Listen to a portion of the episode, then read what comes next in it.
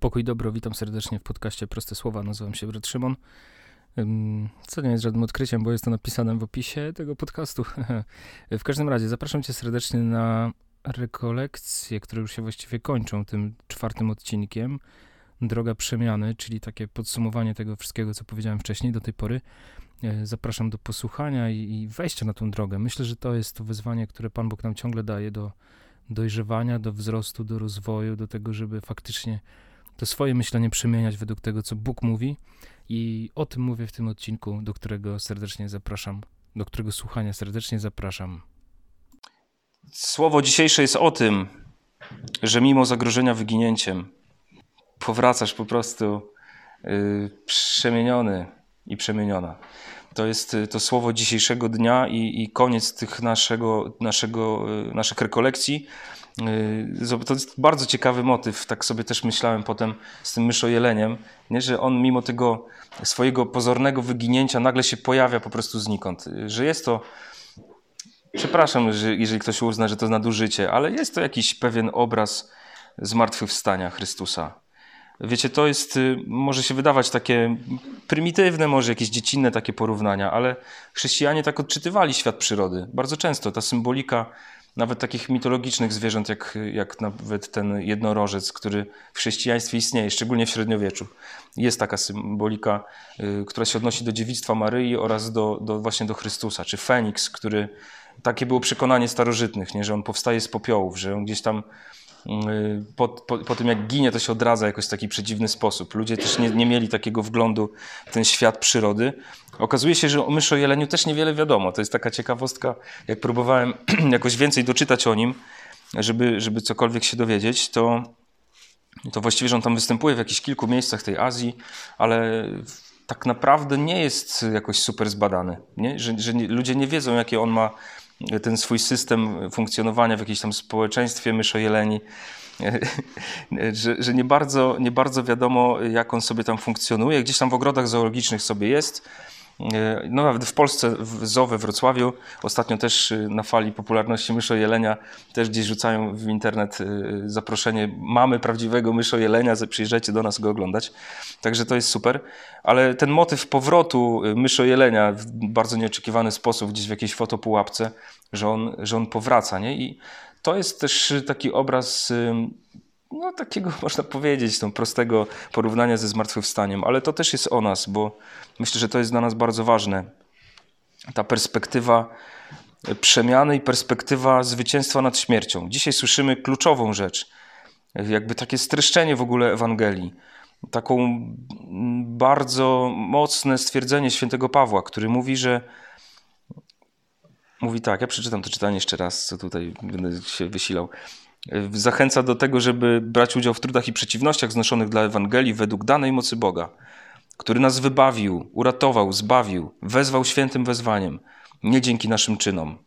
Nie dlatego, że na to zasługujemy, nie dlatego, że jesteśmy super, że perfekcyjnie planujemy różne przedsięwzięcia, nie dlatego, że jesteśmy tak grzeczni, nie dlatego, że ładnie się umiemy odzywać do starszych, nie dlatego, że klęczymy całą noc, żeśmy się modlili tutaj na adoracji, nie dzięki naszym czynom, lecz stosownie do własnego postanowienia i łaski.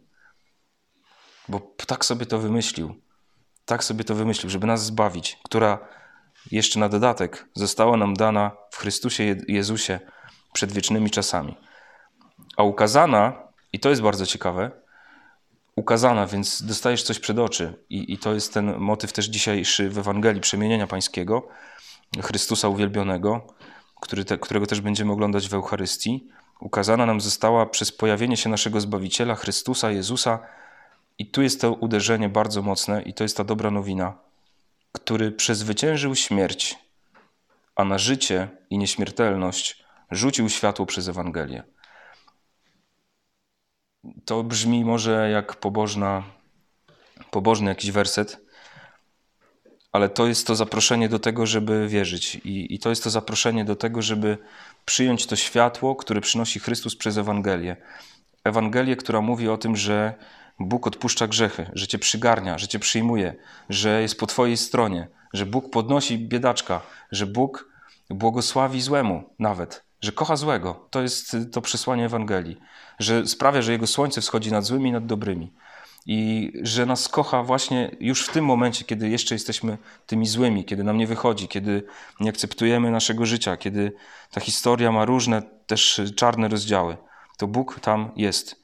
Przezwycięża śmierć, bo przyszedł, żeby wyzwolić nas z niewoli diabła, który, jak mówi autor listu do Hebrajczyków, trzyma tą władzę, dzierży władzę nad śmiercią, która w nas powoduje lęk.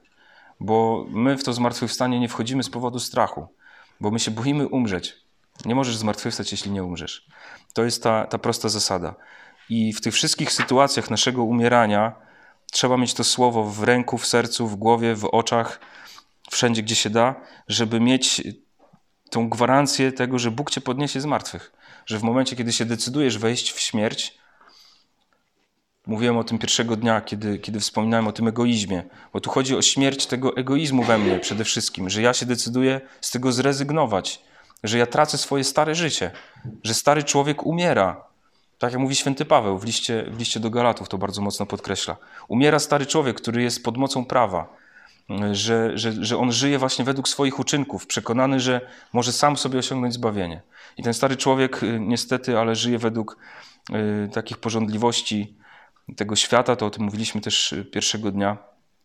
Święty Paweł to wymienia i mówi, że owocem życia według tego ciała i owocem życia starego człowieka jest po prostu tylko zawiść, to jest jakieś tam pijaństwo, to jest jakieś takie działanie realizowanie tych swoich jakichś porządliwości, niewłaściwa rywalizacja, pogoń za zaszczytami, jakieś tam już y, zboczenia, wyuzdanie, jakieś rozpasanie w tych tematach, właściwie w każdych, nie? I, że człowiek po prostu traci rozum, zachowuje się po prostu głupio.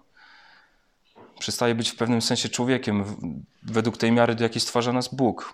A Paweł mówi tak: jeżeli ty pozwolisz, żeby ten stary człowiek umarł ze względu na wiarę, ze względu na Ewangelię, to rodzi się nowy człowiek, podobny do Chrystusa. I to jest słowo o nas, to jest ta obietnica nam dana dzisiaj, że my przez udział w sakramentach, przez to, że jesteśmy ochrzczeni, bo tak się spodobało Panu, y, możemy wydawać owoce nowego życia. Święty Paweł wymienia je gdzie jest Jonek? Gdzie jest Paweł? Tutaj siedzi. Paweł już wie. w liście do Galatów w piątym rozdziale, tam w wersetach 20 i okolice, Paweł wymienia te owoce nowego życia, że, że to, to jest przemiana serca, że to serce staje się łagodne, spokojne, że to serce staje się pełne miłości, uprzejmości. Czyli to jest pewna wrażliwość na, na drugiego człowieka, na relacje, na to, że, że ty widzisz kogoś yy, i jesteś w stanie mu służyć, a nawet oddać za niego życie. E, oddać za kogoś życie to znaczy kochać go i szanować. Oddać za kogoś życie to znaczy wziąć za niego odpowiedzialność. Oddać za kogoś życie to, mm, tak jak mówi święty Paweł, nosić na sobie jego brzemię, jego ciężar, dzielić to z nim. E, czasami też e, to się kończy takim, takim wiecie, brakiem wzajemności, to się kończy czasem odrzuceniem. Dlatego trzeba mocno się trzymać tych śladów Chrystusa, bo on przez to przeszedł.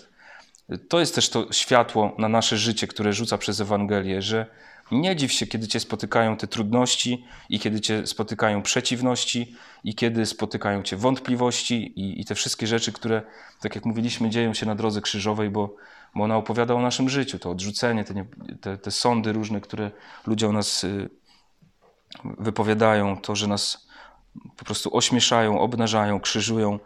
Nie dziw się, że to z Tobą robią, bo to zrobili z Jezusem.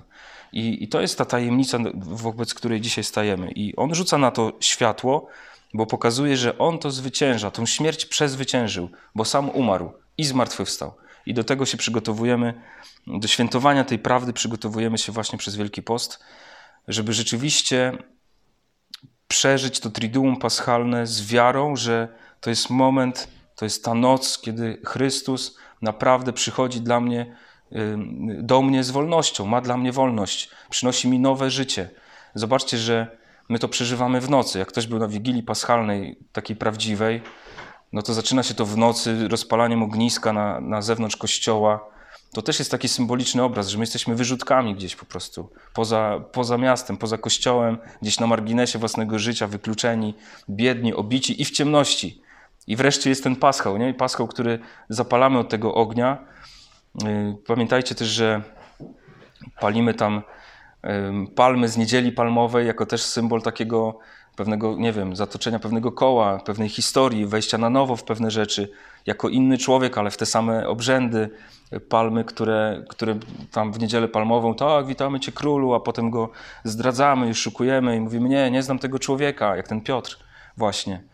I to palimy i potem paschał od tego ognia odpalamy, czyli to, co jest takim symbolem oddania naszego życia takiej przegranej, to staje się ogniem, z którego zapalamy paschał, który jest znakiem Chrystusa zmartwychwstałego. Potem procesja do kościoła. Pierwszy moment, jak stajemy w ciemnym kościele, tak to powinno wyglądać przynajmniej. To opowiadam według tego, jak, jak świętują katolicy, a nie jak się zaczyna Wigilię Paschalną o 17, jak jeszcze jest słońce, no to, to ciężko mówić o tej Wigilii Paschalnej. Bo chodzi o wymowę tych znaków, że stajemy w progu kościoła, gdzie są ludzie, przerażeni w tej ciemności i nagle w progu się pojawia to światełko Chrystusa i ten przewodniczący śpiewa na cały głos, jak tylko umie, e, światło Chrystusa i ludzie mówią Bogu niech będą dzięki, no bo ile możemy siedzieć w tej ciemności? Nie? To jest tak jak z witrażami. Benedykt XVI e, o tym świetle wiary mówił, jak, że to jest jak z witrażami, że masz witraż na ścianie i to jest jakaś historia. Patrzysz na nią, widzisz tylko ciemną plamę, kiedy nie masz światła. Dopiero kiedy pojawia się jakieś źródło światła i to rozświetla, to ty wtedy widzisz, że a, tu, tu jest to, tu jest to, że ta historia ma logiczny ciąg. Jak patrzysz na swoje życie bez wiary, no to to jest jakaś czarna plama, gdzie widać jakieś zarysy, jakieś historii, ale nic tam nie jesteś w stanie odczytać.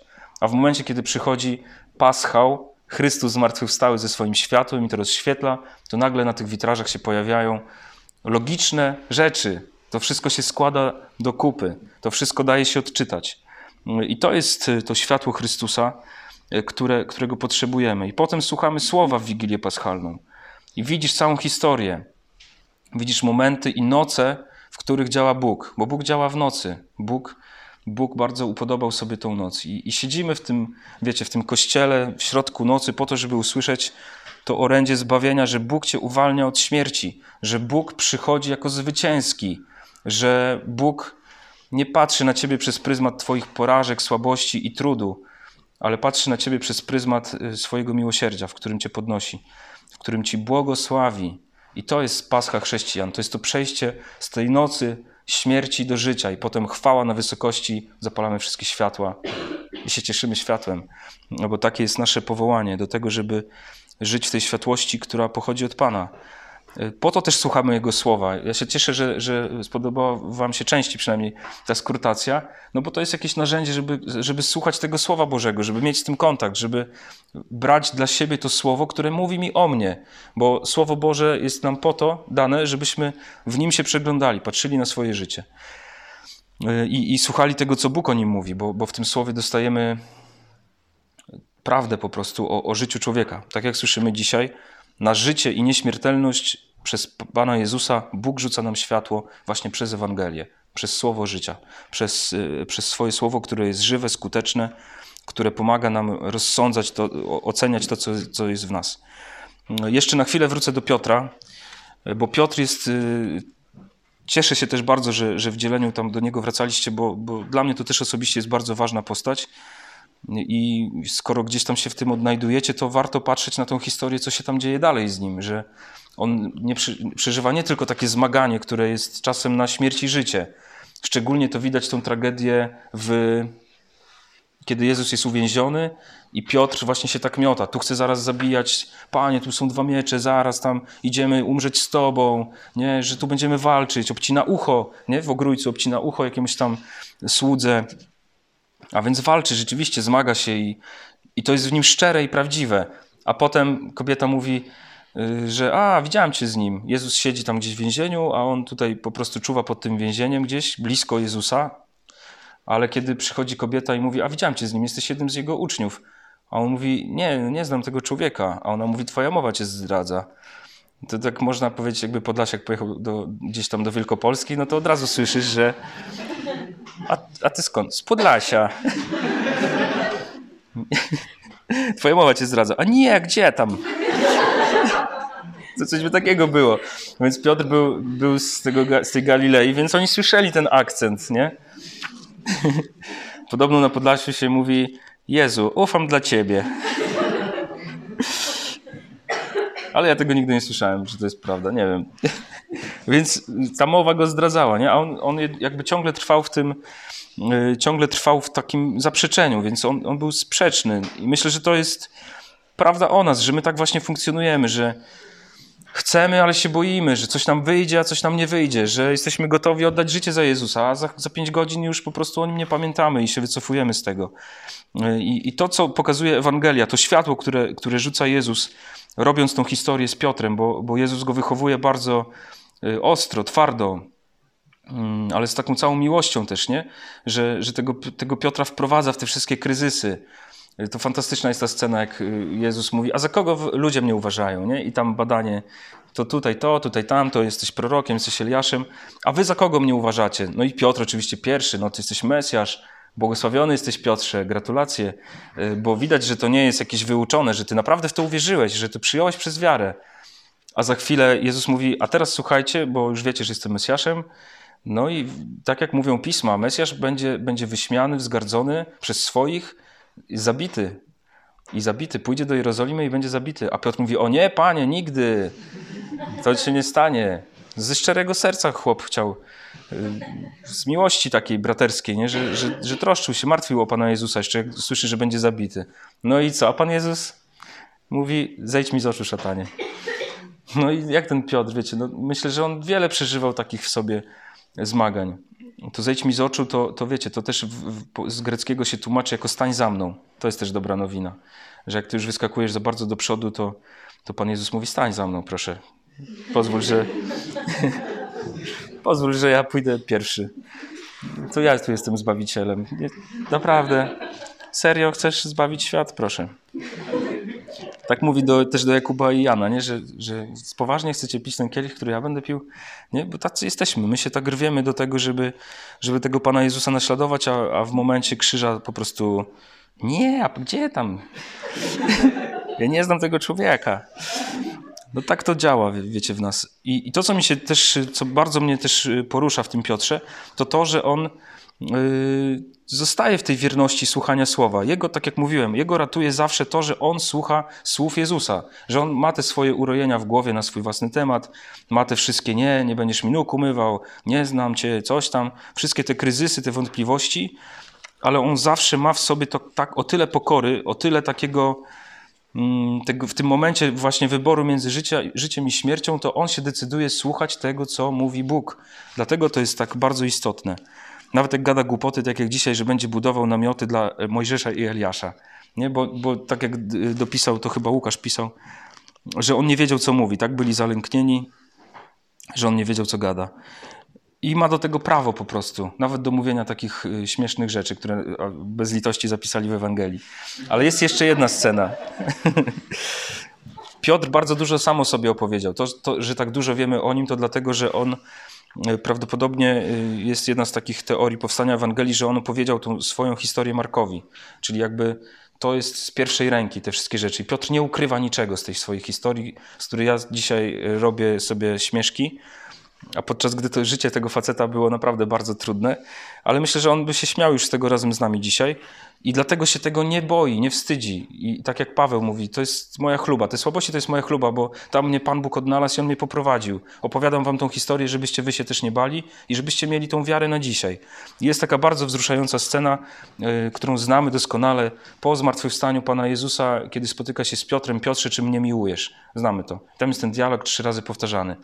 I to jest bardzo ciekawe, że tam są w polskim języku to jest trudne do odczytania, bo tam są różne greckie słowa. Pan Jezus go pyta o miłość w takim znaczeniu oddania życia za niego, a podczas, tak, czyli można powiedzieć, Piotrze, czy ty mnie kochasz do tego stopnia, tak jak ja was kocham, że pójdę za was na krzyż, oddam życie. A Piotr mówi, Panie, jest, przecież wiesz, że jesteśmy przyjaciółmi. Czyli jakby obniża poziom tej miłości. Nie jest w stanie mu powiedzieć, tak, Panie, jestem na takim poziomie jak ty. Być może dlatego, że on już znał siebie po, po, tych scenach, które się rozegrały na Golgocie, jak uciekł, jak wyparł się go. On już wiedział, że jest zdrajcą, że niewiele go różni od Judasza, bo tak samo zdradził Jezusa, zostawił go pod krzyżem. Piotra tam nie było. I kiedy Jezus przychodzi i go tak konfrontuje i mówi, masz do mnie taką miłość, jak ja mam do ciebie? A Piotr mówi, no wiesz, lubimy się, nie? Że spoko, jesteś moim przyjacielem, Jezu.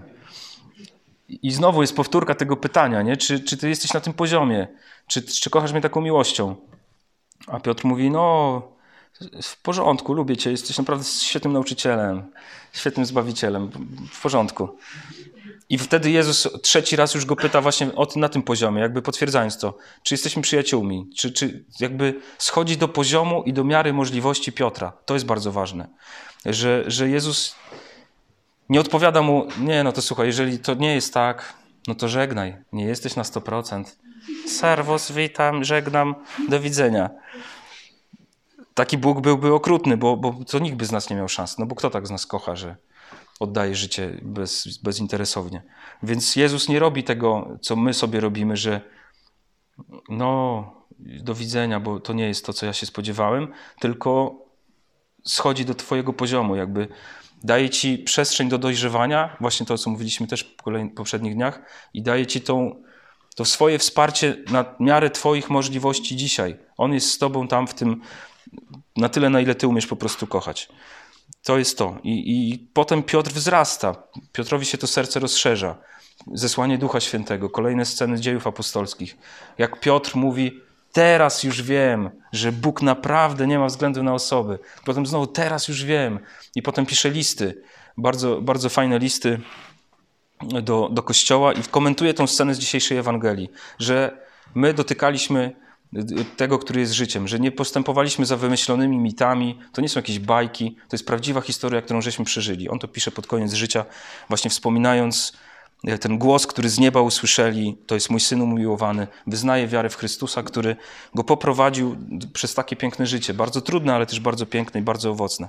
To jest ta dobra nowina i to światło, które Zbawiciel rzuca też, też na twoją historię, Y, idź za tym słowem. Tego Ci życzę, żeby, żeby to, ten czas Wielkiego Postu był takim czasem też słuchania tego, co mówi Bóg, czasem nawrócenia, czasem przemiany swojego własnego myślenia i oparcia się na słowie Chrystusa, żeby to bycie sobą kształtować właśnie razem z Nim. Tak jak Piotr z Jezusem y, tutaj sobie towarzyszą, myślę, że Jezus też jako człowiek bardzo się rozwijał przy nich, przy swoich przyjaciołach, apostołach E, że to było też dla niego bardzo owocne, ale przede wszystkim dla nich, no wiadomo.